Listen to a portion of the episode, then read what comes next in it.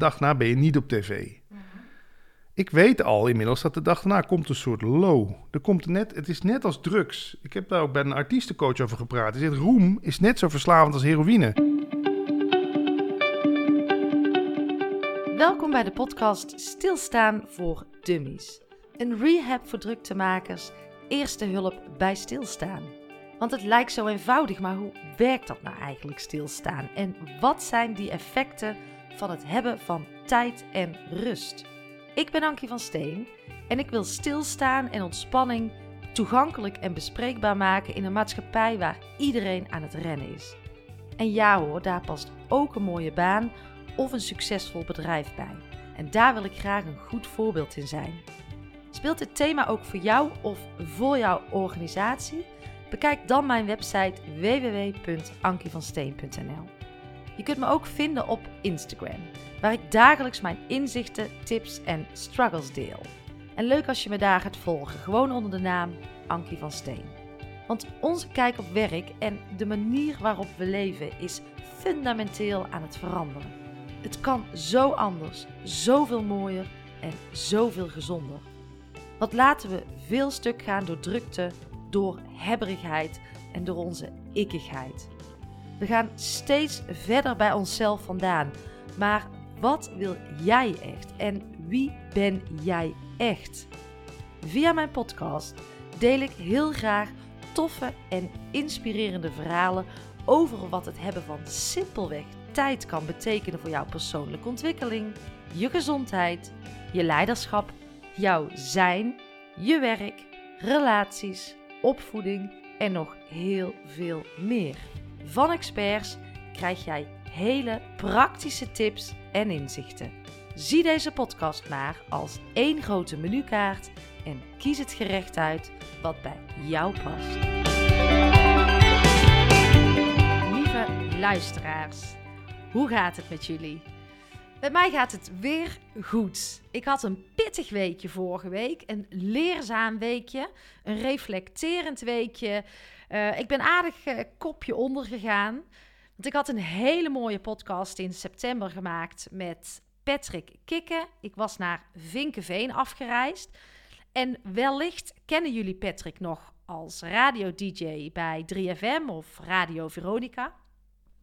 Maar ik kende Patrick veel meer van zijn podcast Leven zonder stress. Een mooie podcast met diepgaande gesprekken, uh, met kwetsbaarheid. Ik vind het uh, een hele fijne podcast om naar te luisteren.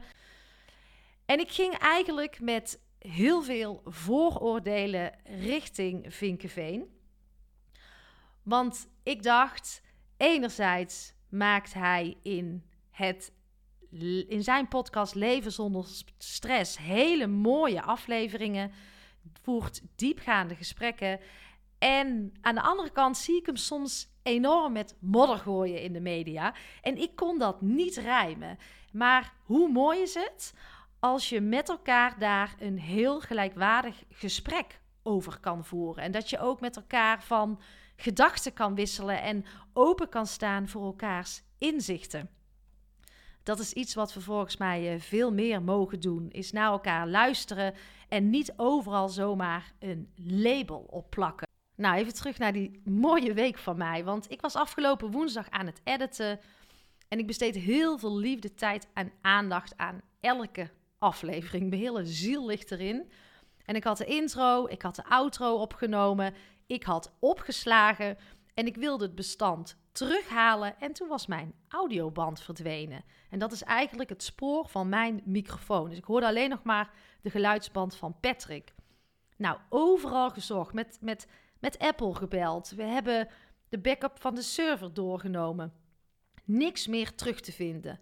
Nou, dat is echt bizar. En ja, dan is het echt even kortsluiting in mijn hoofd. Het, uh, ik was niet te doen voor niemand. Voor mijn man niet, voor mijn kinderen niet. Het was één grote spaghetti en chaos in mijn hoofd. Ik heb even afstand genomen en wat ik vooral doe is kijken naar mezelf van wat heb ik hierin te leren? Wat kan anders? En soms is het ook gewoon overmacht, zoals in deze. Maar toch heb ik wat te leren en dat is wat vaker zeven, meerdere backups maken. Want ik ben zo'n chaot Ik riep ook al vaker: moet ik niet mijn computer niet een keer opschonen? Want hij staat zo vol. Misschien zijn het dingen waar ik gewoon mee aan de slag moest, maar niet heb gedaan. Maar dit weekend daar wel aan heb besteed om gewoon alles weer eens netjes te ordenen. En ook als het gaat over perfectionisme. Dat draakje kwam weer even naar boven. Want ja, de podcast moet perfect zijn. En jullie zijn toch gewend hoge kwaliteit van mij te ontvangen. En, en een goed geluid. En het mooie was dat ik bij Patrick was. En dat Patrick tot het geniale idee kwam. hey Ankie, zullen wij ook een video-opname maken van deze podcast? Nou, hartstikke leuk, dacht ik. Beeld erbij, prima. En gelukkig heb ik dat nog wel. Dus dankjewel, Patrick. Ehm, dus we gaan, uh, ja, daar hebben we een geluidsband van gemaakt. En dat is ook een mooie podcast. Dus wel niet qua geluid natuurlijk, het kwaliteit die jullie gewend zijn. Maar de inhoud, daar gaat het om. En die wil ik in ieder geval niet aan jullie voorbij laten gaan. Het is een kwetsbaar gesprek. Het is een heel open gesprek. We hebben het over onze ego's die af en toe nog heerlijk in de weg zitten. We hebben het over contrafobisch gedrag, maar ook over professionele aandachttrekkerij. En hoe is het om bekend te zijn van de radio, een groot luisterpubliek te hebben, veel roem, veel succes. Maar wat nou als dat definitief stopt? Hoe ga je daar dan mee om? En waarom krijg je eigenlijk alleen maar een medaille als je succesvol bent of als je finisht? En we hebben het over cognitieve fabriekjes. We zouden ons gevoel eens veel vaker aan mogen zetten. Ik vond het een heel fijn gesprek. Aan het woord Patrick Kikken. Vandaag ben ik in Vinkenveen bij Patrick Kikken. Hallo. Hoi Patrick. Leuk om jou in uh, real life te zien. Ja, iets gelijks. En hier te mogen zijn en om jou in mijn podcast te hebben. En ik start altijd met een mooie anekdote hoe, jij, eh, hoe mijn gasten op mijn pad zijn gekomen. Dat is goed. Um, waar ik vooral, de podcast is iets waar ik heel veel liefde aan besteed. En ik wilde vooral niet vanuit wilskracht, heel geforceerd op zoek gaan naar mensen. Mm Dus um, ik was ook eigenlijk helemaal niet bekend met het fenomeen podcast. Totdat ik startte met mijn uh, sabbatical en heel veel tijd had. En heel toevallig kreeg ik één podcast als eerste onder mijn neus gedrukt. En dat was een podcast waar jij in zat. Met? Dat was met Naomi en Marije. Oh, de opzoekpodcast. Ja, ja, ja. Ja, volgens mij waren jullie daar over uh, non-dualiteit aan het praten. Ja, ja. En dus ja, um, jij was de eerste die, uh, die mij ter oren kwam. En ook meteen uh, was het een hele mooie podcast met Marije. Ja, wat een wel een klik, hè? Zeker, het was hartstikke leuk. En um, nou, toen ben ik ook weer verder gegaan in mijn uh, podcast Zoektocht. En de tweede die ik luisterde, of de tweede, misschien de vijfde, dat was een podcast waar jij in zat met Thijs Lindhout. Oh ja, dat is een bijzonder gesprek, ja. In de 100 inspiratie, uh, hoe heet deze podcast? 100% inspiratie podcast? Ja, ja. Thijs Lindhout, hè? Ja, en soms ga ik hardlopen en dan heb ik een podcast op. En dat is puur om mij uh, door dat uur heen te douwen dat, we, dat ik afgeleid ben. Maar uh, deze keer had ik hem helemaal uitgeschreven. Dus in mijn journal staat jullie podcast ook over succes, hadden jullie het hè? Ja. Die heb ik netjes uitgeschreven en, uh, en nog eens teruggekeken. Was ook een mooie. Nou, dus daarna ging er weer een lange periode overheen. Totdat ik in één keer via jou, via LinkedIn, vanuit jou een bericht kreeg. Toen stuurde jij mij van complimenten met je podcast, Ankie. Je maakt uh, leuke dingen. Ja, kwam jou tegen. Ik vond het uh, verfrissend. Nou, dat is altijd leuk om te horen. Dus dankjewel voor dat ja. uh, compliment. En um, ja, zo zijn we met elkaar in contact gekomen. En ik moet zeggen, ik ken jou ook echt van de podcast. Heel goed. Maar jij hebt ook een prachtige carrière als radio-dj bij 3FM en Veronica gehad. Ja. En ik vind het wel tof om jou de podcastkoning... Uh, ja, ja, je gaat al wel een lange tijd mee in podcast. Dat is een van de eerste, ja. Ik ben een Benjamin. Ja, maar is toch leuk. Ja, dat, dus in podcastland maakt het ook helemaal niks uit. Vaak zijn de mensen die er te lang mee bezig zijn... Of wat ik zeg, te lang. Die er lang mee bezig zijn, raken soms een beetje gauw verveeld. Je hebt nog die kwispel die je ook nodig hebt om leuke gesprekken te maken. Ja. Moet geen, het moet geen trucje of routine worden natuurlijk eigenlijk. Nee, dat vind ik ook het fijne van podcasts. En dat hoor je ook wel, denk ik, is de puurheid in, Ja. eh, in de gesprekken. Dat vind ik heel belangrijk. En ik hoop dat ik dat eh, op die manier nog lang kan blijven doen. Eh, maar ja, je maakt er toch wel 50 per jaar, denk ik, ongeveer. Voor Leven zonder stress sowieso. En dan doe ik nog de podcast met Paul Smit, filosoof cabaretier. Dan zetten we om de week, dus dat zijn er 26 per jaar zo'n beetje. Ja, Ja, voor de rest vind ik het gewoon leuk om mensen te ontmoeten. Ik ben een soort ADHD'er die eh, alles opzuigt. ja. Dus ik, ik, ik hoop ook al, of ik denk ook dat dat zo werkt. Op het moment dat jij nu daar de deur uit gaat, ben ik weer iets veranderd. En jij bent weer iets van binnen veranderd. Snap je? Ja. Dat je een soort, je besmet elkaar toch met ideeën, met, met zienswijzes. En ja, dat vind ik ook gewoon leuk hieraan. Het is een hele mooie manier van leren ook. Ja. Hè? En eh, zelfontwikkeling. Dat haal ik er ook absoluut uit. Je hebt nu eh, vijf jaar leven zonder stress. Vijf Ja, jaar onderweg? 2015, ja. 2015. Met de kennis van nu. De bagage die je, die je mee hebt genomen in die vijf jaar. Wat zou je jezelf adviseren? ook op het gebied van podcast. Maar ook qua kennis die je had. Wat had je anders gedaan als je vijf jaar geleden... Toen je vijf Ja. jaar geleden... Wat zou ik anders hebben gedaan? Nou, ik krijg nu steeds meer van mensen te horen, ja, je moet dat meer gaan monetizen, zoals ze dat met een mooi woord zeggen. Hè? Ik weet niet eens wat het is. Ja, de, te gelden maken. Oh, dus, dus, eh, en ik heb dat altijd buiten de deur gehouden. Ja, ik merk nu wel, er komen nu aanvragen voor eens een keer een workshop te doen ergens. En achteraf denk ik wel eens van, ja, had ik daar vier jaar geleden al een soort van oproep over gedaan. Van, joh, je kan mij ook vragen om een keer een patchje te komen doen in je bedrijf of zo. Heb je, dat is dan een stemmetje wat zegt, heb je dan niet geld laten liggen? Maar ja, we kwamen er net samen ook al achter dat voor mij is podcast ook gewoon, het verdienmodel is dit. Elkaar Ja. ontmoeten. Ja, Maar ja, dat zou ik misschien anders hebben. Ik zou het eerder misschien tot echt een platform hebben gemaakt. ja. In plaats van alleen de podcast. Er is natuurlijk wel het boek van eh, gekomen, maar daar kwam de uitgever ook zelf mee. Mhm. Dan wil je er geen boek van maken. Ik ben daar zelf misschien een beetje lui en laks in geweest. Ja, maar ook dingen komen als het eh, moment rijp voor Ja, vind ik ook. Toch? En achteraf, ja. En, en qua inhoud, qua, qua als je het hebt over zelfontwikkeling, wat is iets wat bij jou echt life-changing was?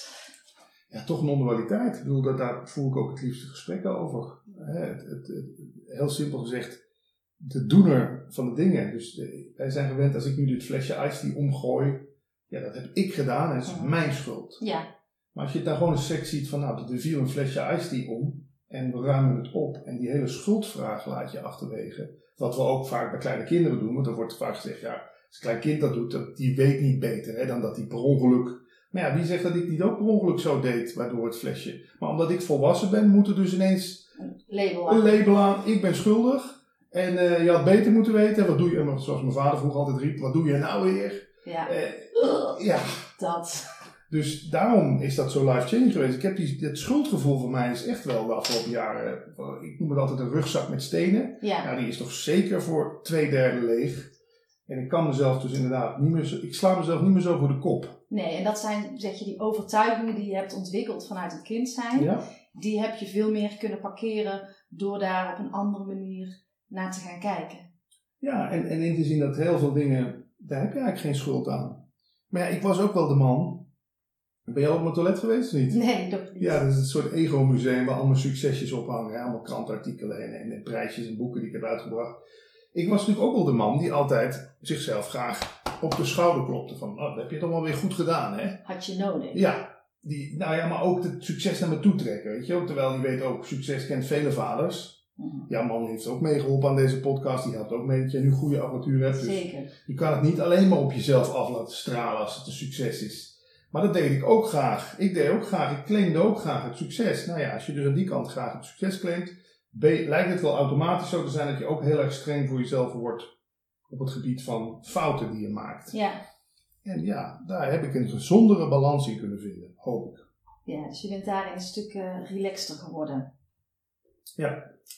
En nu zijn er eh, toch wel behoorlijk wat meer. Ja, er komen heel veel podcast Ja. mensen op. En ook wel in allerlei soorten en maten en varianten. Ehm, jij hebt dan natuurlijk leven zonder stress. Eh, ik kom eraan eh, met stilstaan voor dummies. Er zit heel veel ja, gelijkenissen zitten erin, Mhm. maar iedereen doet het op zijn eigen kracht. Maar Hoe vind je het dat er van alles langskomt? Wat doet dat dan met jou? Als we dan toch nog even dat stukje ego mogen Oh, je bedoelt dat ik dat zie als concurrent Weet of ik zo? niet. Weet ik niet. Nee, ja, het enige wat mij een beetje steekte was Giel Belen. Want die, die ging ineens ook een podcast doen, hè? En ineens ging hij ook alleen maar bij mij kijken. Oh, welke, welke gasten hebben het bij hem goed gedaan? Dan ga ik die ook allemaal uit. Ja, weet je wel? ja. Heb ik ook tegen hem gezegd. Giel, kom op bij. Weet je, wel. je vindt je eigen stem. En toen is hij inderdaad veel meer mensen gaan opzoeken die nog niet bij mij in de podcast waren geweest. Mhm. En toen dacht ik ook van, eh, ja, dat is wat origineler. Maar achteraf gezien slaat het eigenlijk ook nergens op. Want als jij een gesprek met Richard Let hebt gedaan. En die is en bij Giel geweest, en bij Thijs Lindhout, en bij mij. Mensen die hem, door hem geraakt zijn, gaan ze allemaal luisteren. Ja, ja, en elke aflevering, als het goed is, als je het op Is je eigen anders. manier Als je doet. jezelf erin legt, dat is bij de Ja. radio ook zo. Eigenlijk zijn er op podcastgebied geen concurrenten, maar tuurlijk steekt het dan toch wel. Als je dan ineens Giel, weet je, eerst was hij allemaal het doen die het niet zo goed deden. En toen hij ook voor de lifestyle hoek koos, toen was het ineens ook een succes. Ja, Ja, dat steekt dan wel even, maar ja, het hoeft niet te steken. nee, maar dat kan ook weer iets oud zijn natuurlijk. Hè? Iets, iets uit mijn jeugd, dat iemand, eh, weet ik het. Ik was vroeger op school altijd, op de lagere school was ik altijd het beste van de klas. Dus ik heb sowieso ergens geleerd in mijn jeugd, als je ergens de beste in bent, dan houden mensen van je. Dus op het Dat moment... is ook een Dat overtuiging. is ook een overtuiging, natuurlijk. Ja. Maar dat is ook, hoeft helemaal niet waar te zijn, maar dat, als kind denk je dat dan. Maar ja, als dan ineens iemand anders de beste van de klas is, dan, ja, dan, dan valt jouw overtuiging in duigen. En dan, en dan kan je misschien weer een beetje aan jezelf gaan zitten twijfelen en zo. Maar, ach, Ik had gisteren wel een mooi dingetje. Ik had ehm eh, Ramon Roelofs dan in de podcast gehad voor Mhm. jou. En eh, gisteren zag ik dat hij bij, ehm, bij Gwen van Poorten ook was. Die ik ook echt heel erg tof vind eh, als persoon. En heel erg, heel even ging er in mijn buik zoiets van... Ah, zij is beter dan ik. Ja, Eh, Dat. En, maar ik weet ook, ik heb tegen mezelf één regel die ik altijd dan afspeel van... Er is altijd iemand beter en er is altijd iemand minder beter. Maar ja, het is ook maar een aanname die Ja. je doet, hè? en het is ook heel erg Nederlands. Er waren een keer een paar boeddhisten waren hier in Nederland op vakantie. Hè? Ja. En, en die waren naar een hardloopwedstrijd aan het kijken. En die was afgelopen. Toen zei die, zeiden ze zo van, echt helemaal verbaasd hè. Waarom krijgt alleen de eerste een medaille? Ja, Toen zeiden wij, ja, omdat hij de snelste was. ja. Ja, maar ze hebben toch allemaal die afstand afgelegd? Snap je wat ik bedoel? Ja, prestigegericht. Ja. Ze verdienen allemaal een medaille, zeiden die boeddhisten. En toen dacht ik, ja, dat is maar ook, wij zijn ook altijd maar gewend om te kijken naar wie, who's first, who's best. Terwijl inderdaad, iemand die toch, de ene is wat anders gebouwd, jij bent weer anders dan ik. Kijk, en, en het is ook lekker makkelijk voor een Charlie Nonois en voor Giel en ook wel misschien voor mij, als je wat bekendere naam hebt. Ja, dan heb je ook de connecties. Gwen, Giel heeft het 06-nummer van Gwen, eh, Charlie Ja, Nonois ook. Ja. Ja. Dus ik, ik, maar ik snap, die, ik snap dat. Dat is, Ja. voelt een beetje oneerlijk soms. Ja, ik weet het niet. Ik probeer het niet als on- oneerlijk te voelen. Ik ga er op mijn eigen, ik probeer het gewoon op mijn eigen manier te doen. En als ik die emotie voel, dan probeer ik hem ook gewoon, ja, bij de kop te pakken. Dat ik denk, het is ook onzin dat ik zo denk. Ja. Ik wil echt vanuit mezelf, vanuit mijn eigen kracht uitgaan. En ehm, natuurlijk heb ik het ook. Maar iedereen, daarnaast is het dan nog zo dat iedereen op, het op zijn eigen manier doet. Ja, Ja, herken denk, het soms wel. ja, hoe, hoe denk je dat het voor mijn broer is geweest? Ik bedoel, die is vier jaar ouder. Ja, Hij was de discjockey bij ons thuis. ja, Ik was de computernerd. Ik ging solliciteren. Nou, dankzij hem kwam ik bij de radio terecht. Hij zei, oh, ga dat toch ook eens proberen. Ik kom in Hilversum terecht. Hij niet. ja. Dus, dus Ja. voel je Nou, de... je kan bij de voorstellen dat dat, dat dat pijn doet. Die jongere broertje redt het dan wel tot in Hilversum. Ja. En, dus ik heb met hem daar wel, de eerste paar jaar riep hij altijd, oh, je hebt alles aan mij te danken. En daarna heb ik hem geholpen aan een platencontract en dat, dat hij liedjes kon gaan maken en zo. Maar ja, het is ook iets heel menselijks om jezelf, zeker met mensen die zo dicht bij je staan. Ik weet heb jij broers of zus? Ja, ik heb een zus. Bij ons is het ook zeker wel dat we naar elkaar kijken. Je wil, je wil elkaar zo gelijkwaardig mogelijk zien. Ja. En soms is dat gewoon moeilijk. Ja, ik vind dat ook. Ik zit ook nu in zo'n proces. Ik vind dat, want mijn broer heeft nu met die, met die coronatoestand heel weinig werk. En dan komt in mijn automatische krachten, ik wil hem, ik moet of moet, wil, ik wil hem gaan helpen. Ik kan- Redden. ja, Ja, het is toch je broer, kom op hé. ja ik snap dat helemaal. Maar goed, Ja, eh, eh, de kunst is denk ik gewoon dicht bij onszelf blijven. En die overtuiging wel, die labeltjes die eh, opgeplakt zijn, gewoon weggooien. Het is een proces. Het is absoluut een heel leerzaam proces. Onderzoek. Ik, in mijn podcast onderzoek ik de effecten van stilstaan. Ja. De effecten van tijd en rust. En we hadden het net tijdens ons kopje thee er al over dat ik dat, uh, ja, dat ik in mijn sabbatical echt achterkwam wat de kracht van stilte is. En dat wil ik vanuit allerlei invalshoeken bekijken. Want naar relaties, uh, naar persoonlijke ontwikkeling, mm -hmm. opvoeding, daar gaan we het allemaal over hebben. Want jij hebt volgens mij ook een dochter ja. van van 12 of 11 zijn net? Ja, bijna 12 in november. Een stukje groter dan mijn dochter, die ook 11 is. Maar uh, ik zie hier een foto. Uh, ja, ze lijkt wel 16 hè? Nou, nu op die foto, ja. ja. En, maar hoe kijk jij naar stilte? Wat ben jij tegengekomen op jouw eigen pad? Ja, veel oude shit, zullen we maar zeggen. Uh, eerst het negatief. Oude shit, dan moet je even ja. Nou ja, gewoon, kijk, ik heb ooit de diagnose ADHD gehad. Ja. Ik heb daar zelfs die pillen voor geslikt, hè, dat Concerta. Die, uh, ja, die, dat is, uh, ja, het heeft ook maar een halfjaartje geduurd of is zo. Is dat een soort Ritalin? Ja, ja. langwerkende Ritalin. Ja. En ja, hoe kwam dat nou? Dat ik altijd maar bleef rennen, rennen, rennen en dat dan als ADHD uh, eh, gelabeld werd. Omdat ik gewoon niet wil, ik wilde niet stilstaan, omdat ik niks wilde voelen. Ja. Ik was natuurlijk eh, allerlei frustraties van toch bij 3FM, ik ben bij 3FM bijvoorbeeld weggegaan op het moment dat het, daarna werd het heel succesvol. Dat is ook weer zo'n zo'n frustratiedingetje. Uh, mijn jeugd, in mijn vader die graag dronk. Uh, op school, gedoe. Altijd de beste van de klas, tot 3 VWO en daarna zakte alles in. Soms heb je, parkeer je dat allemaal zo, hè? Ja, ja, in je onderbewuste. Ja, oh, doe maar. Doe, nou, dat voelen we een andere keer. Ja. En maar door blijven gaan. Ja, en dan kom je inderdaad op de 30ste, 35ste, dan hou, je, dan hou je dat gewoon allemaal niet meer onder water. En als je dan eens stil komt te staan, door wat voor reden dan ook, ja, dan poppen die ja. oude stukken. In mijn geval tenminste, poppen die weer op. Ja. ja, ik had het heel erg in mijn sabbatical. Dat ik dacht, um, mooi was gisteren, zei zat ik nog uh, op het strand. Omdat ik vond dat ik ook gewoon veel meer, uh, je hoeft niet altijd kaart aan te staan. Dus gisteren was gewoon een werkdag op het strand. En dan kwam iemand even bij zitten en we hadden een gesprek over, de, over mijn sabbatical. En die heeft op drie keer toe aan mij gevraagd, maar je had toch wel een burn-out? Dat, dat mm -hmm. stigma wat erop zit. Alsof je moet stoppen als je een burn-out hebt op de een of andere manier. Maar dat was dus helemaal niet het geval. Maar ik werd wel van stilte, merkte ik, heel onrustig. Mm. Ik vond stilstaan moeilijker dan werken. Ja, dat is het ook. Het is hard werken, hè, stilstaan. Ja. ja. Want ik ben, het ook, ik ben ook een soort verslaafd was ik wel aan. Nou, ik was verslaafd aan succes. Ik ook. Ja, dat ken je, hè? Ja. Dat geeft ik Als je, als je goede, goede dingen presteert, ja, kom op, hé. Dat doet iets met je zelfvertrouwen, dat doet iets met je hele zijn. Je, wordt, je voelt je beter, sexier, noem ja, alles maar maar dat zegt ook iets. Ja? Ja, vind ik wel. Ik vond dat... Um, ik, ik werd hebberig. Hm. En als ik heel erg extern gericht... Ik was heel erg extern gericht. Ja. Die dingen die jij ook noemt. Hè? Succes, uh, roem, status het zat mij in de weg op een gegeven moment. En nu ik veel meer vanuit innerlijke waardes um, naar, naar de buitenkant Mhm. kijk, heb ik helemaal geen last meer van status of succes of ego. Het is, ik heb dat omgekeerd. Ja, fijn. Hoe ver ben jij daarin? Ik denk dat ik dat wel aardig onder de knie heb.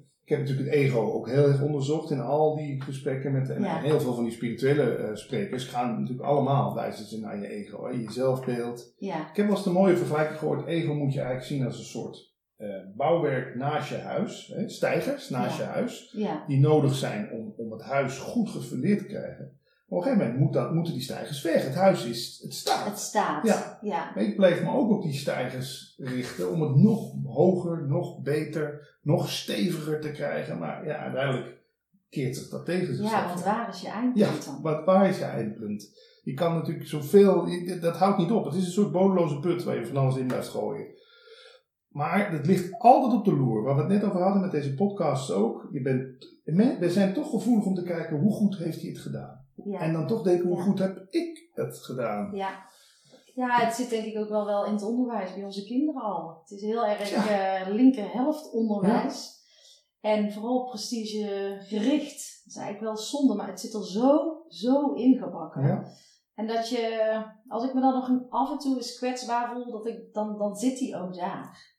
Op dat punt, hè? Ja, dat punt. En eh, kijk, ik, ik, met mijn sabbatical kwam natuurlijk heel mijn eh, ego, eh, die, die- daar liep ik tegenaan. Ik denk, wie ben ik, wie ben ik nog? Zoveel had ik daaraan aan Opgehangen, opgehangen. ja. En, en, en jij waarschijnlijk ook in de periode van DJ zijn. Kan ook bijna niet anders. Ik, je weet je, je komt dan met je kop in de krant en, en eh, mensen gaan je herkennen. Ik, heb, ik had in 2005 eigen tv-commercial voor mijn radioprogramma. Ja, Ja, het zijn natuurlijk dingen.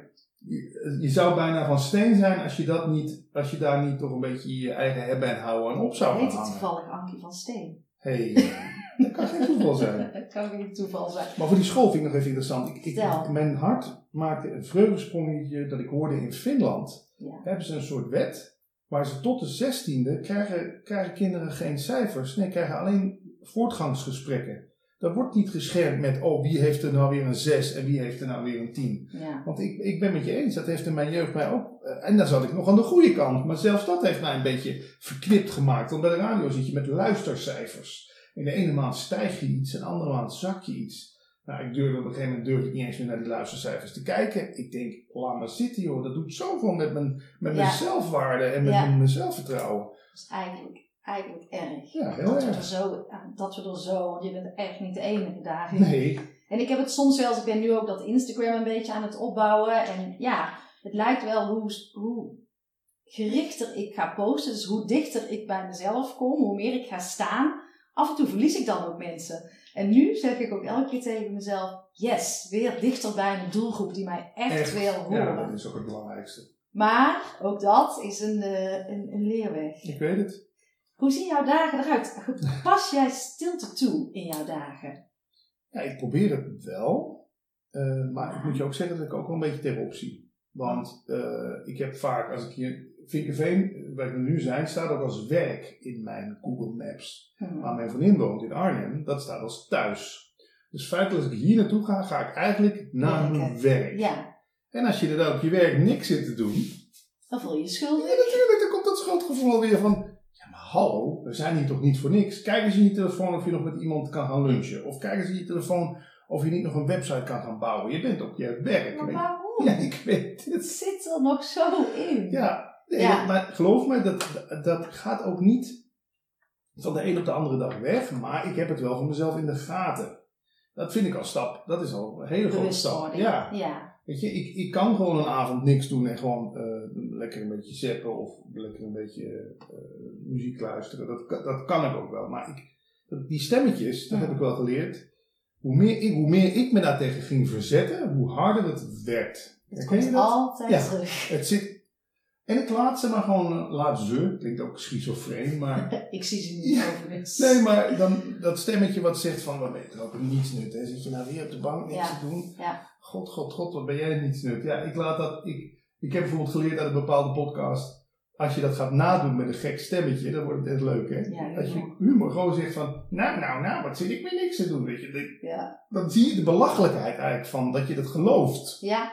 ja, want schijnbaar werkt jouw brein, in het, als je niks doet, ga je allerlei verbanden en associaties leggen die stand-by modus. Ja. Dat is super zinvol. Ja.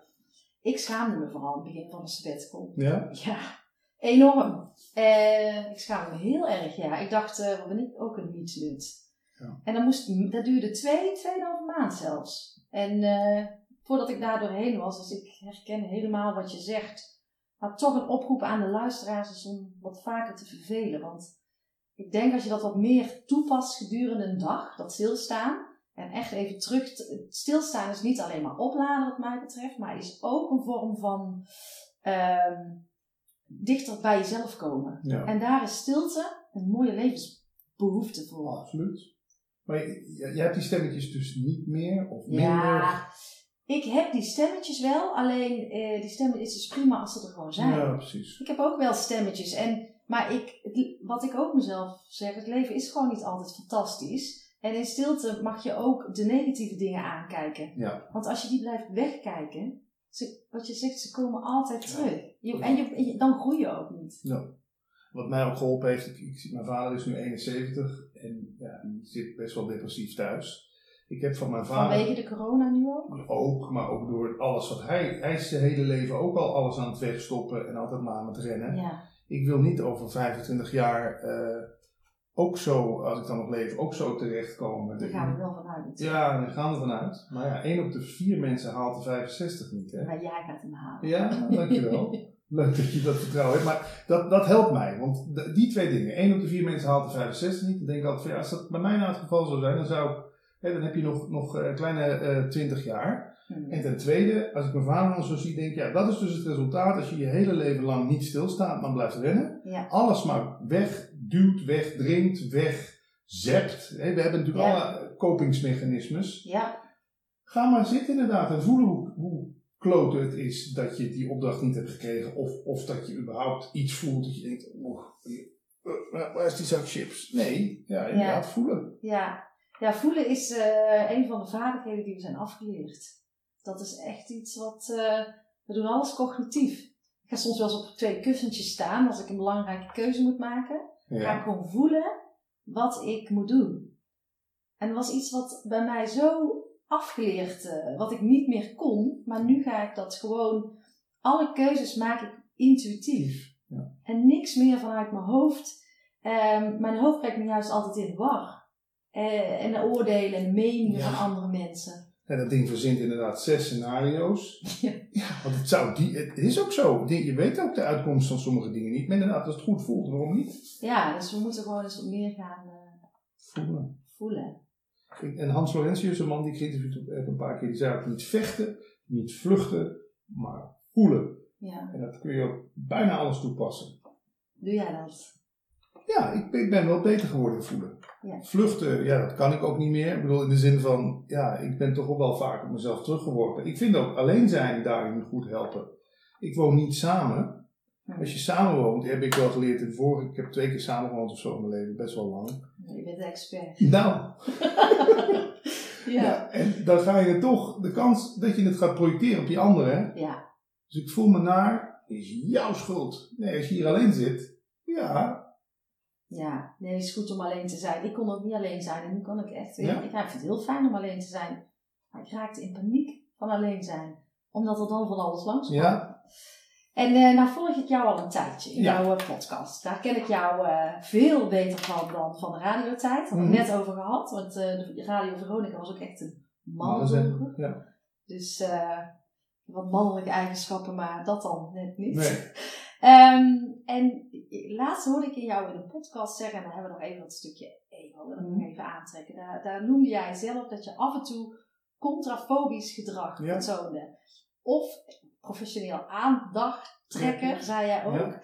En die dag was mijn dochter jarig en ik ging eens even reflecteren wat ik daar eh, zelf in deed. Dus ik, ging, eh, ik moest om tien uur bij haar ijsjes komen brengen op school. Nou, ik, ik sta voor het stilstaan en rust. Maar wat deed ik? Tien uur, ik moet naar, naar school, snel ijsjes halen. Toen ging ik drie, had ik drie pakken ijsjes en die ging ik bij zo'n zelfscan kassa afrekenen. En toen werd ik eruit gepikt voor een, ja, een soort steekproef. Ja, ja. Maar meteen ging bij mij dat gevoel van, oh, ik wil rechtvaardig zijn, eerlijk zijn, zijn waarden die ik heel belangrijk vind. Ehm, maar ik werd een beetje venijnig. En naar die vrouw, want ik Ja. zei, kun je mij helpen, ik heb het druk. En tegelijkertijd hoorde het stemmetje, Ank, doe normaal, Ja, ja, daar kan zij toch niks aan doen. En die vrouw die ging ook expres langzaam lopen, terecht.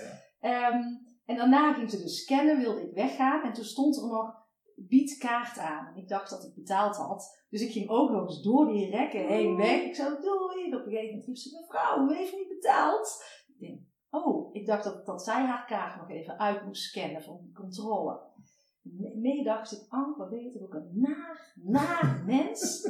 Dat je dit nog doet, überhaupt. Je wil geen, dit doe je dus omdat je gehaast bent. Ja, ja. En ten tweede, je wil helemaal niet meer zo gemeen naar mensen reageren, omdat je zelf iets voelt van, eh oeh, ik zal het wel, toch, toch wel goed hebben gedaan, Ja. hè, dat. Ja, dat. En ehm, herken jij dat? Ja, absoluut. Ja, dat is, maar dat is ook wel het ego-mechanisme wat gewoon als eerste, dan komen we weer bij de schuldigen, op eerste op, op zoek gaat naar de schuldigen. En ik heb, ik heb geleerd op het moment dat ik de ander even de schuld kan geven, Ja, het lucht, dat Ja. ontspant het bij mij even. Hè. Het is bijna, bijna logisch, omdat we onszelf ook zoveel de schuld Ik geef mezelf ook nog wel regelmatig de schuld van dingen, maar ik heb inderdaad wel afgeleerd, sneller, ja, een beetje een soort sneller schieten, dat, je, dat ik scannen, wie kan ik hier de schuld van geven? ja. Nou ja, soms misschien moet ik ook gewoon eerlijk zijn. Ik zag ook wel eens een keer een reactie van jou ergens onder. En dan denk ik, oh, je hebt het gewoon niet nodig. Ik vind je gewoon een leukere mens als je het niet doet. En aan de andere kant gaat er bij mij een stemmetje om van, ja, maar je mag ook wel eens een keer wel iets uiten wat je vindt. Maar ik, soms... ik hoor dat veel van mensen die zeggen, die mij kennen van de podcast en dan lezen ze bijvoorbeeld mijn columns over radio of dan zien ze mij op Twitter bezig. Maar ja, voor mij zijn het bijna twee versies van mezelf. Ja, Want vind op- je die moeilijk soms? Ja, dat snap ik. Nee, maar dat is nog die radio. Kijk, van die mensen die me van de radio kennen, die zijn gewend dat ik zo'n zo'n snelle chap, chap, Ja, scorende. Ja, het, het is inderdaad een beetje een zoektocht, maar ja, ik, ik, ik ben natuurlijk nog steeds niet, eh, niet, ik ben natuurlijk wel nog een beetje gevoelig voor publiciteit.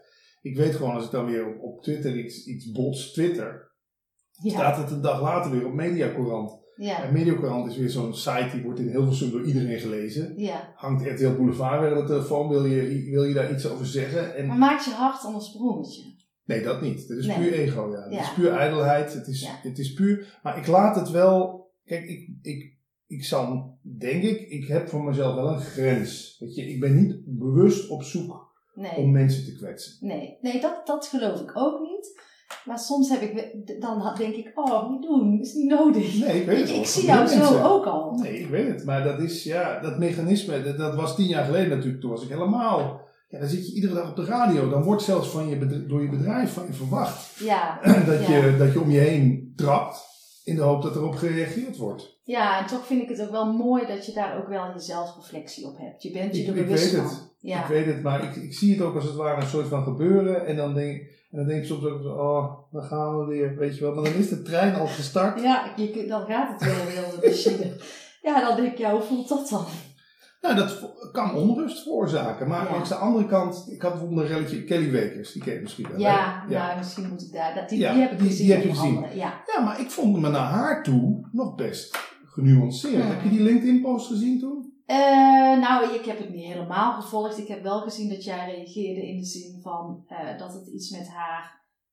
Dat ja, hoe je, succes heeft ook te maken met hoe je eruit ziet. Ja, nee, en wie je netwerk Ja, ik, Ze, deed namelijk alsof het allemaal haar eigen verdienste was dat ze 100.000 boeken had verkocht. Ja, ik ja. zeg, joh, maar je moet ook even eerlijk zijn. Je bent Miss Nederland geweest. Je bent getrouwd met de liedjeschrijver van Marco Borsato.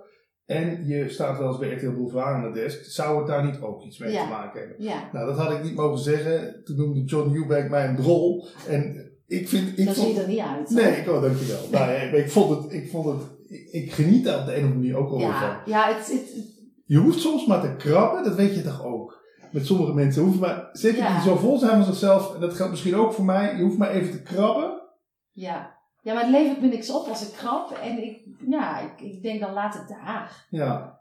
Maar toch, zoek die post nog eens op, want onder die LinkedIn-post was ik heel genuanceerd. Maar op een gegeven moment, op LinkedIn of op social media überhaupt, wordt het al heel gauw gewoon modder gooien. Ja, Want je hebt maar zoveel tekens, Ja. mensen lezen maar voor de helft. ja, Mensen gaan, ma- want mensen, iets van een paar honderd mensen gingen mijn reactie liken. Dat werd zij weer kwaad om. Gingen ze weer allerlei andere mensen laten reageren.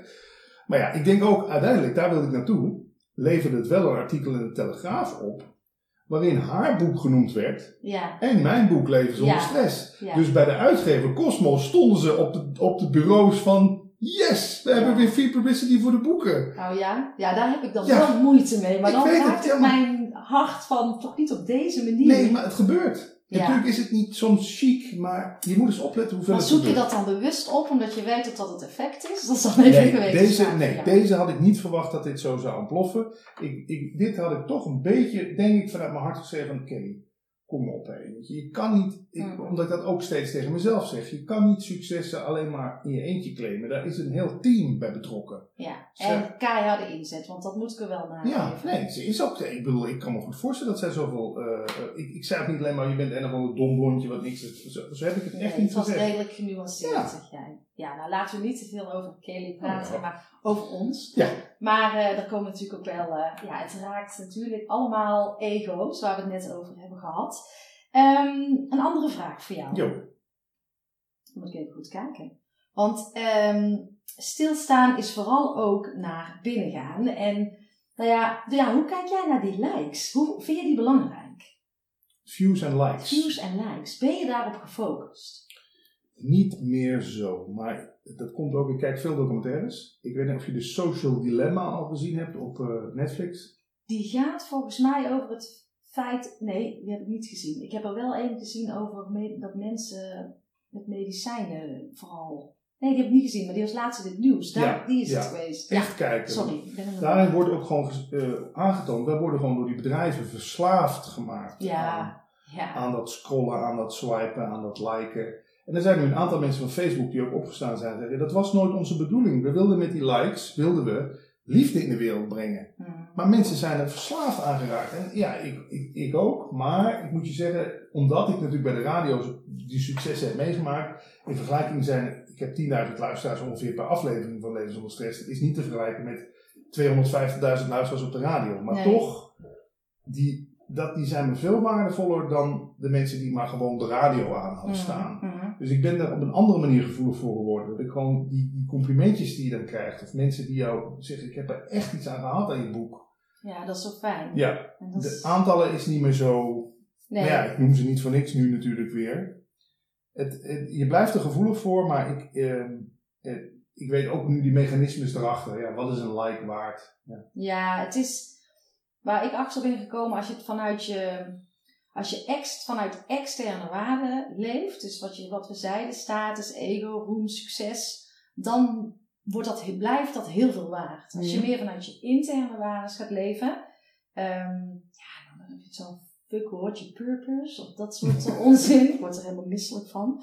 Maar wel meer vanuit wat je echt wil, dan maakt het minder uit wat een ander vindt. Ja. Dan maken de likes minder uit, omdat, het, omdat je gewoon, het klopt wat je doet. ja, Dat meer. Ja. En dat vind ik een heel fijn gevoel om te ervaren. Ja. en er is ook heel veel concurrentie op dit gebied, hè? laten we eerlijk zijn. Ja. Bedoel, Ja. maar ja, als jij inderdaad gewoon een, een groepje mensen heel goed kan helpen, of een aantal luisteraars echt het verschil hebt gemaakt. Wauw. Ja, die, jij hebt in die podcast van Thijs Lindhout, en die staat ook nog steeds in mijn aantekeningenboekje, zei jij, het gaat om het zaadje wat je plant. Ja. En die proberen, dat is een van de dingen die ik me ook heel vaak ook dan nog zeg, van ja, daarvoor wil je het doen. Ja. En dan moet je proberen die, dat dat dan dat is gewoon continu een balans. Ja. Maar ook, dat mag er gewoon ook zijn. Ja. Daar zitten we allemaal in. Maar vooral omdat je, je hebt ook de successen gekend, hè? Ja. Van, van grote dingen bereiken. En ik heb begrepen, jullie hebben samen een huis Gebouwd. gebouwd. Ja. En, ja, dan kan het soms wel eens in je hoofd dat je denkt, ja, een zaadje planten, ik bouw liever een huis. Ja, ja. Boom, Ja, nee, eh, en dat blijft er ook in zitten. Dat kan ik niet ontkennen. Nee. Is ook niet erg. Nou hebben we allebei eh, mooie dochters. Ja, toch? Ja, die voor mij net elf. Ehm, en deze podcast wil ik het ook hebben over opvoeding. En, we- en stilstaan en emoties. Eh, ook dat je als kind ook mag voelen. Ja. Hoe help jij jouw dochter hierbij? Het is lastig, want zij, is ook, zij heeft dezelfde trekjes als, als ik, als met name mijn vader, ja, mijn vader en moeder eigenlijk allebei. Dat zie ik bij haar terug. Ze hebben bijvoorbeeld laatst viel ze van de trap en dan komt ze gewoon met een stalen gezicht zo. Ik zeg, is er iets? Nee.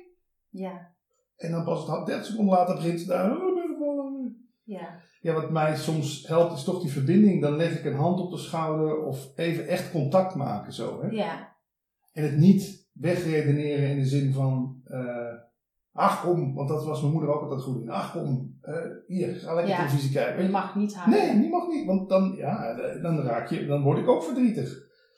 Ja, voor alle eigen emoties. Ja. ja. Doe je dat ook bij je dochter terug of laat je het bij haar er wel zijn? Ehm, ik denk dat, ja, ik ben, ze is natuurlijk niet iedere dag bij mij, dat is, dat is het verschil. Hmm. Maar ik kan wel geraakt zijn door wat zij eh, voelt, ook al toont ze het nog niet. Als je een beetje, Ja, je ja, ja, voelt ja, ja, ja, je voelt het. Ik had met mijn dochter, vond ik het wel heel lastig, is dat zij, eh, soms kan zij heel pittig zijn in haar emoties, gewoon extreem boos worden. En dan denk ik, ja, de emotie boos, ik wil dat je die voelt, maar probeer te leren dat je daar wat genuanceerder in wordt qua uiting. En dan denk ik, of moet ik dat maar gewoon laten gaan? Dat, dat, Ja. wat vraag ik dan? Er zijn verschillende Hoe kijk jij daarnaar? Ehm, ja, ik vind het ook wel weer iets moois hebben. Of- Kan je er op een bepaalde manier de onschuld van inzien of zo? Ja, Ja, ja, ja dat het haar ook maar overkomt of zo. Hè. Ze kiest er niet voor op dat moment om. Kijk, ik heb als kind veel te vaak gehoord: hou je toch eens in. Weet je wel? ja, dus dat ga je waarschijnlijk helemaal doorleven. Dan Ja. hou je in. Ja, dat, dus dat heeft mij geen goed gedaan. Want ik was op een gegeven moment thuis. Dat zo zat dat ik echt extreem ook. Weet je, ik smeet met een bakje pudding gewoon bam tegen het plafond aan. Weet je, om maar, ah, het moest eruit of ja, zo. ja, Ah, hoe vaker je natuurlijk hoort, hou je maar eens in, hoe meer die extreme. ik wil niet zeggen dat jij dat doet, maar dat was bij ons thuis. Hou je in. Mijn moeder zei altijd: maak een vuist in je zak. Weet je wel? ja. Ja, precies. Van man je. Verman je. Ja. Ja, Nee, dat, eh, dat, nee, voor mij mag, van mag ze dat. Maar ik heb ook makkelijk praten natuurlijk. Want ik, ik, als je iedere dag bij je is en. Ja, het is schipperen. Zag ik gisteren in een documentaire over opvoeding toevallig. Wat dan? Vertel. Ja, daar werd in gezegd, het is altijd schipperen. Het is, er is niet één... Ze hadden zo'n stapel met opvoedboeken. Ja. zeggen, als we één ding hieruit geleerd hebben, is dat het, dat het elkaar allemaal tegenspreekt. Ja, ja, ik vind het een van de moeilijkste, nou, moeilijkste, ook wel de mooiste dingen om, eh, om mijn kinderen op te voeden. Maar ik wil ze vooral leren ook om, dat, om, om te durven voelen. Ja, dat is Wat belangrijk. voel je in je lijf? In, en, en voor je het weet eh, slaan we weer een generatie open en eh, maken we allemaal van die cognitieve fabriekjes. En dat vind ik zo zonde. Ja. Dus eh, waar ik kan, probeer ik daar mijn moeder wel aandacht aan. Cognitieve fabriekjes, ja. ja Cognitieve alles fabriekjes. wegredeneren. Ja, en allemaal in Excel-sheets eh, en vooral naar de prestige gaan. Dat zou ik, is wel iets als kinderen wat meer gaan voelen. Ja. En dan hebben we het ook over pijn, want dat mag er natuurlijk ook nooit zijn. En we hebben het er net al even over gehad, over die negatieve emoties eh, aanraken. Dat is, eh, ja, jij zegt ook, ik ga ze zelf steeds minder wegdrukken. Ik laat ze er ook gewoon zijn. ja, ze zijn er toch al. Dus Ja, en ik merk ook hoe minder je verzet, hoe, meer, hoe sneller het eigenlijk oplost. Of zo. ja, ja, dat, ik weet niet wie die formule heeft bedacht, maar zo werkt Ja, het. zo werkt het echt, hè? Ja, Het is vaak het verzet wat gewoon zo'n zo'n lijdensweg ervan maakt. Ik bedoel, ik ben toevallig net weer naar de tandarts geweest en nu laat ik me daar wel verdoven bij de tandarts. ik ook. Ja, Ik haat dat. ja dat is natuurlijk toch, ja, het blijft een heel gek iets. Iemand die zo in je mond en boren, weet ik wat allemaal. Ja, Maar ik ken mezelf, vroeger was ik echt iemand die liep dan gewoon nog een, nog een die dacht, ah, het is niet zo erg. Ik liep zo nog drie maanden door met pijn. pijn. Totdat Ja. het helemaal, weet ik, het ging ontsteken of wortelkanaal, weet ik wat er allemaal kan gebeuren met je kiest. Nu ben ik ook bij het minst of vriendse dat ik denk, Ja. er is iets, Ja, gaan. ja. Weet je, de, de- dat uitstel, het is ook vaak uitstelgedrag, hè. Oh, dat, dat, dat is een mooie metafoor, dat, kun je, dat komt dan wel. Heb ik nu geen tijd voor, heb ik nu geen zin in. Ja. Nee, als je het gewoon even voelt. Ik reed laatst uit Limburg met mijn ouders weg. Ik was echt knap chagrijnig. Hm. Ik weet niet, dat- ik was gewoon chag, ja, chagrijnig gewoon. Ja, Maar ja, ik ging ook geen muziek aanzetten. Ik ging niet wat ik dan vroeger misschien wel zou doen naar de McDrive, weet je wel. Dan ga je, ja, milkshake. Of, eh, of maar, in de auto kun je ook niet heel veel op je telefoon. Dus ik ben gewoon even een, nou ik denk 25 minuten chagrijnig geweest. En toen ik voorbij Weert was of zo, was het weg. ja. Ja, niet, je hebt je niet verzet ertegen. Ik ben ook niet gaan bellen met mijn vriendin. Dat deed ik vroeger ook graag, hè. Och, wat ben ik weer chagrijnig. Ja. Nou, ik had, van, ik, ik had eh, vanochtend nog een post gedaan over klagen. Hm. En eh, als ik dan naar klaag, ik kon ook lekker klagen. Ja. Als de dag al begon, voordat ik uit bed moest. klagen. Maar als je in je lijf gaat voelen wat klagen doet, is verschrikkelijk. Ja, Dan zit je in een lage energie. Als, zelfs als ik in de spiegel kijk, voel ik mezelf lelijk Ja. als ik klaag. Ben ik blij? En dan kijk je dus Je dat, weet je wel. Dan straal je, dan heb je ook een heel andere Ja. frequentie om je heen. Alleen, we blijven soms zo in dat negatieve hangen. Maar wat jij zegt, als je het er even laat zijn Ja. en je laat het daarna los, dan is het ook vaak opgelost. ja. Maar die pijn, het moet allemaal perfect zijn, hè? En ik denk, nou, laat ook gewoon eens een keer die pijn, eh, laat die eens een keer, raken me eens aan. ja. Ja, Nee, maar ik vind, weet je, op een manier vind ik ook, als ik zie wat jij, eigen huis gebouwd, Ei- allebei een eigen bedrijf, twee jonge kinderen. Dat is nogal wat, hè? Ik Ja. bedoel, ik bedoel, er wordt altijd maar zo over gedaan, alsof dat maar, ah, weet je wel, dit en dat. En, en zien we op Instagram, zien we ook alleen nog maar mensen, hè, leuke vakantie. Daar vond ik jouw voorbeeld zo mooi van dat jullie naar Noorwegen gingen of zo. ja, Ik denk dat, dat dat is de realiteit. We zien niet op internet de, de echte. We zien alleen maar de successen. We zien alleen maar de mensen met zes kinderen op hun schoot. Ja. Weet ik het niet. Allemaal Ja. fantastisch. Het is niet waar gewoon. ja, ik vond jouw woord prachtig. Ik weet niet waar ik het heb gehoord, dopaminegeluk. Ja, dat is het. Dan ligt het stil wat je daarmee bedoelt. Nou ja, die stofjes in ons hoofd. Ja. De, de dopamine-kick is natuurlijk steeds. Die, daar ben je steeds naar op zoek. Hm. dat is inderdaad die like. Dat is inderdaad die, eh, Succes. ja, die, die ene eh, Facebook-post die viral gaat. Want je ging viral laatst ook met iets. Ja, ja, toch deed dat ook iets Mego. Ja, wel, ik had een tuinkantoor. Eh, dat ging over eh, een tuinkantoor in plaats van een leaseauto. Ja. En ehm, die post ik gewoon op een zondagavond. En de dag erop, bam, Op LinkedIn, hè? op LinkedIn. Ja. Ja, dat, Ja. ik, het streelde mijn ego dat die likes. Maar Ja. de, het verhaal eronder vond ik interessanter. Ja. Dat dat zo eh, mensen toch een bepaalde andere kijk op werk en leven gaan krijgen. Ja. Maar wat dat doet is inderdaad een dopamine kick. En je, kan, ja. je kan daar kan je gewoon bijna een soort van verslaafd aan raken. Dat je dat, want herken je dat niet? Ik heb dat dan, was ik in RTL Boulevard om iets te zeggen over een radio-ding. Van ja, van Giel Belen iets te zeggen. En dan de dag na ben je niet op tv. Mhm. Ik weet al inmiddels dat de dag daarna komt een soort low. Er komt net, het is net als drugs. Ik heb daar ook bij een artiestencoach over gepraat. Hij zegt, roem is net zo verslavend als heroïne. Oh ja. Dat is echt, de dag daarna komt het dit. En Ja. ik weet het inmiddels, mijn vriendin weet het ook inmiddels. Dan zal Patrick, hij is vandaag op tv geweest, zal hij morgen wel even, Stikzakkerij. ja, of in ieder geval even een beetje zo Ja. zichzelf gekeerd zijn. Ja, en dat heeft allemaal met, met dopamine te maken. Ja, dopamine is, eh, su- het is suiker. Ze noemen het ook wel de cocaïne. Maar het is echt, maar het is kort geluk. Ja, En, eh, maar als je daar bewust van bent, dat is natuurlijk al een hele mooie stap. ja, niet najagen. Want dan zou jij nu alleen nog maar bezig zijn met, ik moet nog een LinkedIn-post verzinnen die het nog beter gaat doen. ja. ja. Ja, dat heb Nee, dat heb ik dan niet meer gelukkig. Nee, ik kijk gewoon, oké, heb ik, ik heb ook helemaal geen programma. Misschien moet ik het doen met stappen. Ik doe gewoon wat goed voelt. Ja. En dat vind ik eigenlijk wel fijn dat ik meer van die cognitieve ondernemer naar de intuïtieve ondernemer ben gegaan. Dat Ja. geeft mij vrijheid. In ieder geval. Fijn. Zeker fijn. Coaching. Heb jij wel eens coaching gehad of hulp? Ja, ja, met name dus, ja, ik heb wel een aantal psychologen versleten. Dat moet, als je dan in een burn-out zit, dan moet je van, die, van de, uh, althans ik moest van mijn HR-manager naar zo'n psycholoog. Heb je, lang, heb je er lang last van gehad? Ik heb het één keer kort, één keer lang. En die lange was ook meteen een soort definitieve afscheid van de radio. Hm. En, ehm, maar die gesprekken, kijk, ook daar is weer een goede coach, die prikt natuurlijk door jou heen. Ja, Bij die psycholoog had ik het idee, nou, ik kan hier een verhaaltje ophangen. Hij maakt dus een notitie en zo. Maar een artiestencoach die ik gehad heb, die dus Ja. ook jonge vloggers en zo begeleidt, Ja. die wees me echt op wat ik net zei van die roemverslaving. ja. Hoe je daarvoor kunt oppassen. En eh, daar heb ik wel verder gehad, heb ik denk ik een jaartje of zo bij gelopen.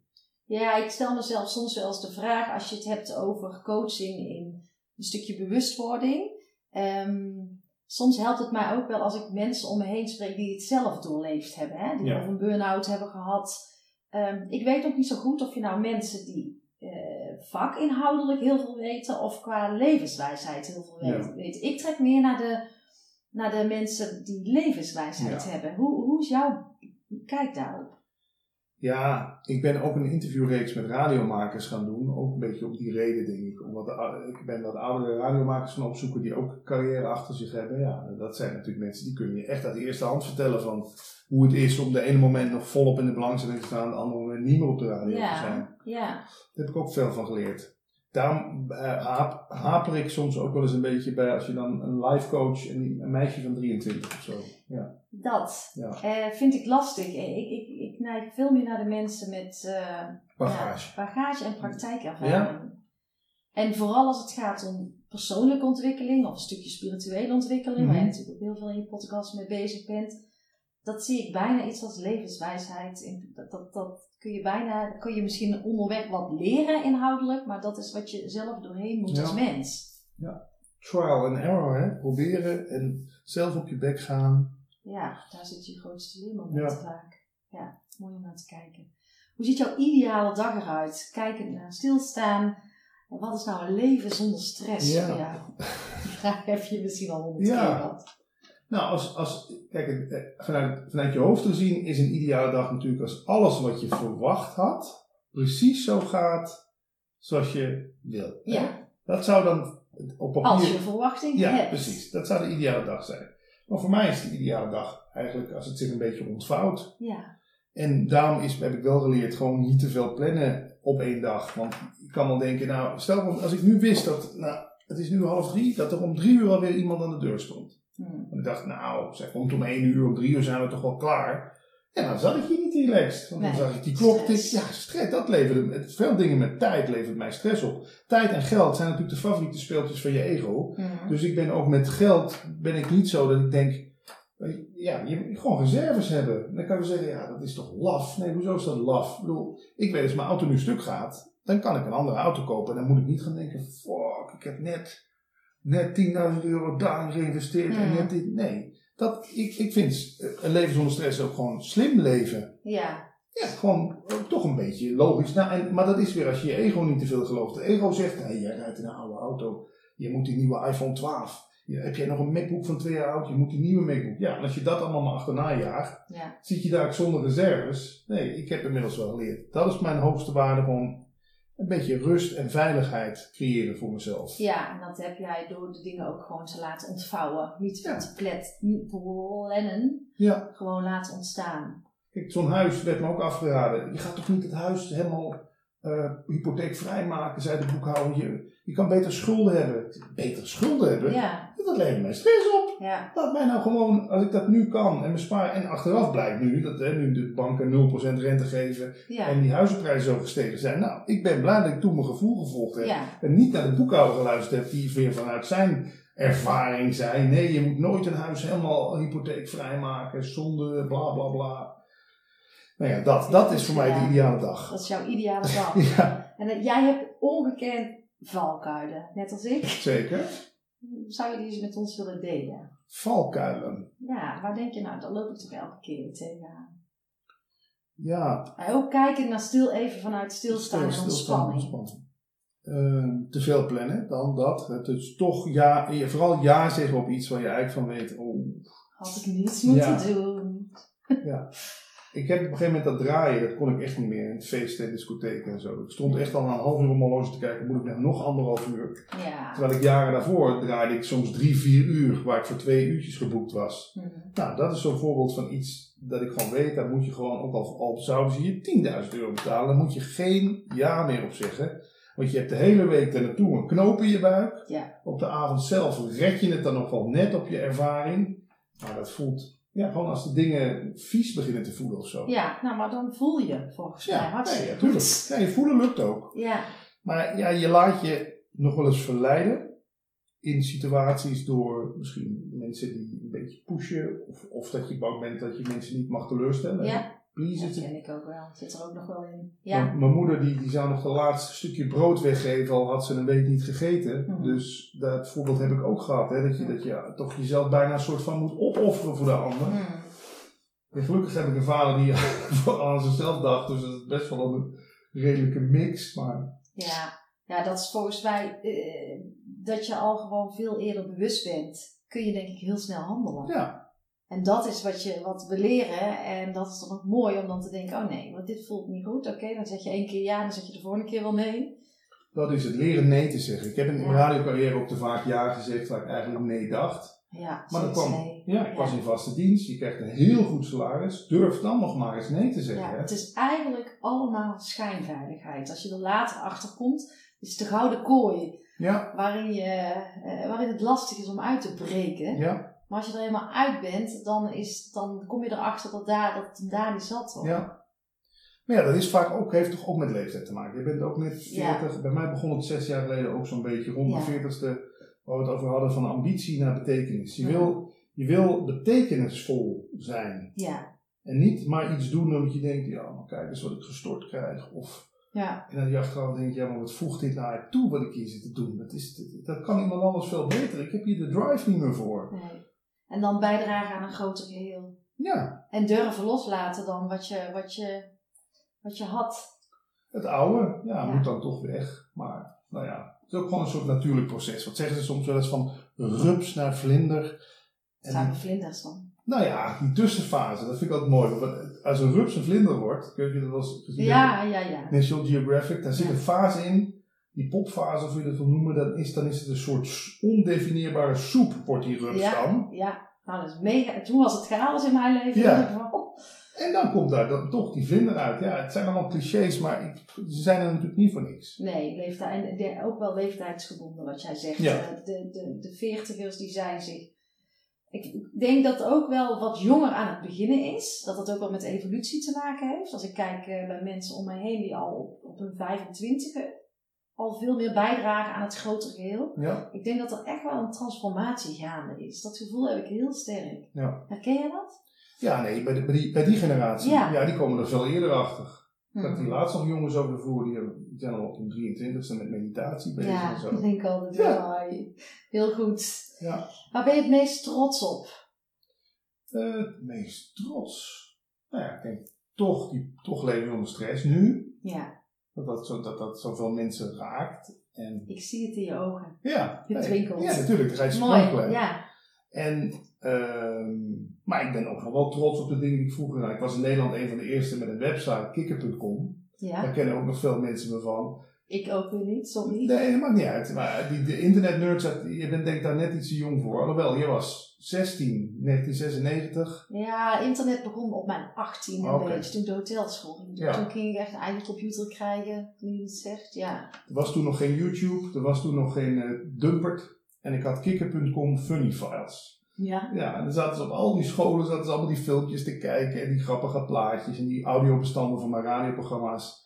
Ik vind het vooral leuk dat ik met sommige dingen in Nederland wel de eerste was. ja Dat is dat toch is ook zo. Ja, dat is gewoon cool. Dat je ongekende terrein kan verkennen en dat je daar dan voor het eerst een boompje mag. Pionieren. Ja, pionieren. Dat- Ja.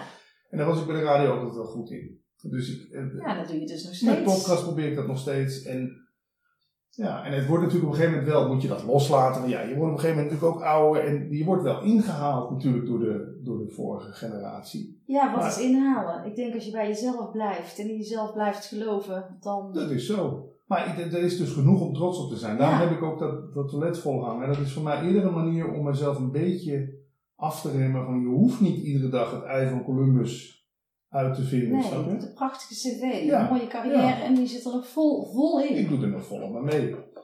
Ja, maar natuurlijk ga je, je gaat op een gegeven moment toch dat stemmetje krijgen van ja, je beste jaren liggen Doe ik nog achter wel mee. Ja. Ja, nou, hou die zo lang mogelijk stil, die stem. Ja, Want het remt je af, denk ik, in je enthousiasme. En ehm helemaal niet nodig. nou, het is fijn dat je dat zegt. Ja. Patrick, mag ik jou bedanken voor een Ja. heel ontspannen Ik gesprek. Ja, dat was eh, stressloos hè? Ja, jouw openheid, ehm, jouw kwetsbaarheid, die waardeer ik enorm. Hmm. Maar bij jou ook hè, jij durft je ook bloot te geven.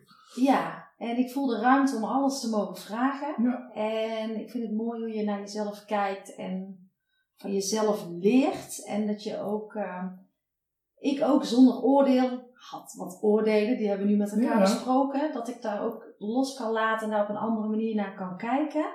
Dus ehm, Ah, Ik snap dat wel. Ik, ook- maar dat, dat, dat is ook de reden waarom ik vaak, als mensen dan voor een podcast komen of voor een interview, ik, ik, dat ijsbreken is ook om een beetje te laten zien van, je kent mij misschien van een paar uitspraken op internet of van een paar, eh, want op de radio kon ik Ja. best wel vrouwenvriendelijk zijn. Hè. oh, Ja. nou niet gemerkt. Nee, maar dat is ook helemaal, maar dat is, Hoort ook bij die rol. het is entertainment. Ja. En, en dat, zit, dat moet je vaak ook bij de dingen die ik online doe, wil ik nog eens zeggen tegen mensen die dan denken, hé, ik krijg dat niet gerijmd, zo'n kwetsbaar gesprek.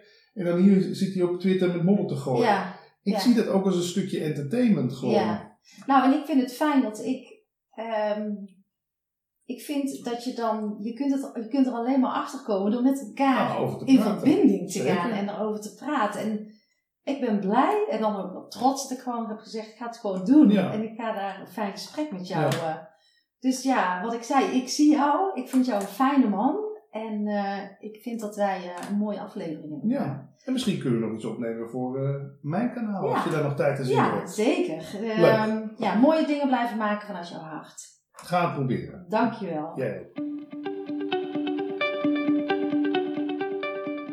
Het zit er weer op, lieve luisteraars. Een stressloos gesprek. Dankjewel Patrick en nogmaals dank dat jij aanbood om een videoopname van deze aflevering te maken. Want anders was deze mooie en waardevolle inhoud verloren gegaan. Dus eh, daar ben ik je dankbaar voor. Het heeft zo moeten zijn. En het is fijn om in een gesprek alle ruimte te voelen om alles te mogen vragen. Want een van mijn leerpunten is om minder te oordelen. En daar probeer ik echt rekening mee te houden, me bewust van te zijn. Maar ik had ook deze keer een oordeel. En hoe mooi is het dan als je alles mag vragen, als je samen van gedachten kan wisselen, als je open kan staan voor elkaars kijk op dingen en dat daarmee heel jouw beeld van een persoon ook kan veranderen. En wat ik nu zie in deze tijd, dat er veel verdeeldheid is, veel kampen, eh, dat is goed, dat is niet goed. Probeer eens wat nieuwsgieriger te zijn naar elkaar. Probeer er eens zonder oordeel in te staan en te luisteren, oprecht te luisteren naar wat een ander vindt, denkt en voelt. Het zou toch geweldig zijn als we dat met elkaar wat meer zouden kunnen. Ben je op zoek naar coaching? Bekijk dan eens mijn website www.ankievansteen.nl. Of ben je als organisatie bezig met de thema's werkdruk, werkstress en geloof je net als ik dat de oplossing niet zit in meer mensen en minder werk, dan kan ik iets voor jou betekenen. Vind je het leuk om mij te volgen? Dagelijks ben ik aanwezig op Instagram, maar je kunt me ook volgen op LinkedIn, beide onder de naam Ankie van Steen. En is het thema stilstaan voor jou interessant? Dan is mogelijk mijn 21 dagen boost op Instagram stilstaan voor dummies iets voor jou. 21 dagen lang boost ik jou met allerlei thema's rondom stilstaan. Wil je daar meer over weten? Bezoek mijn website www.ankievansteen.nl. Nou, hoe tof is het als deze podcast breed onder de aandacht komt? Dus blijf hem delen. Maar het zou ook echt super fijn zijn als jullie een review geven bij Apple Podcast. Want dat helpt gewoon in breed onder de aandacht komen. Nou, dankjewel voor het luisteren weer en tot de volgende podcast.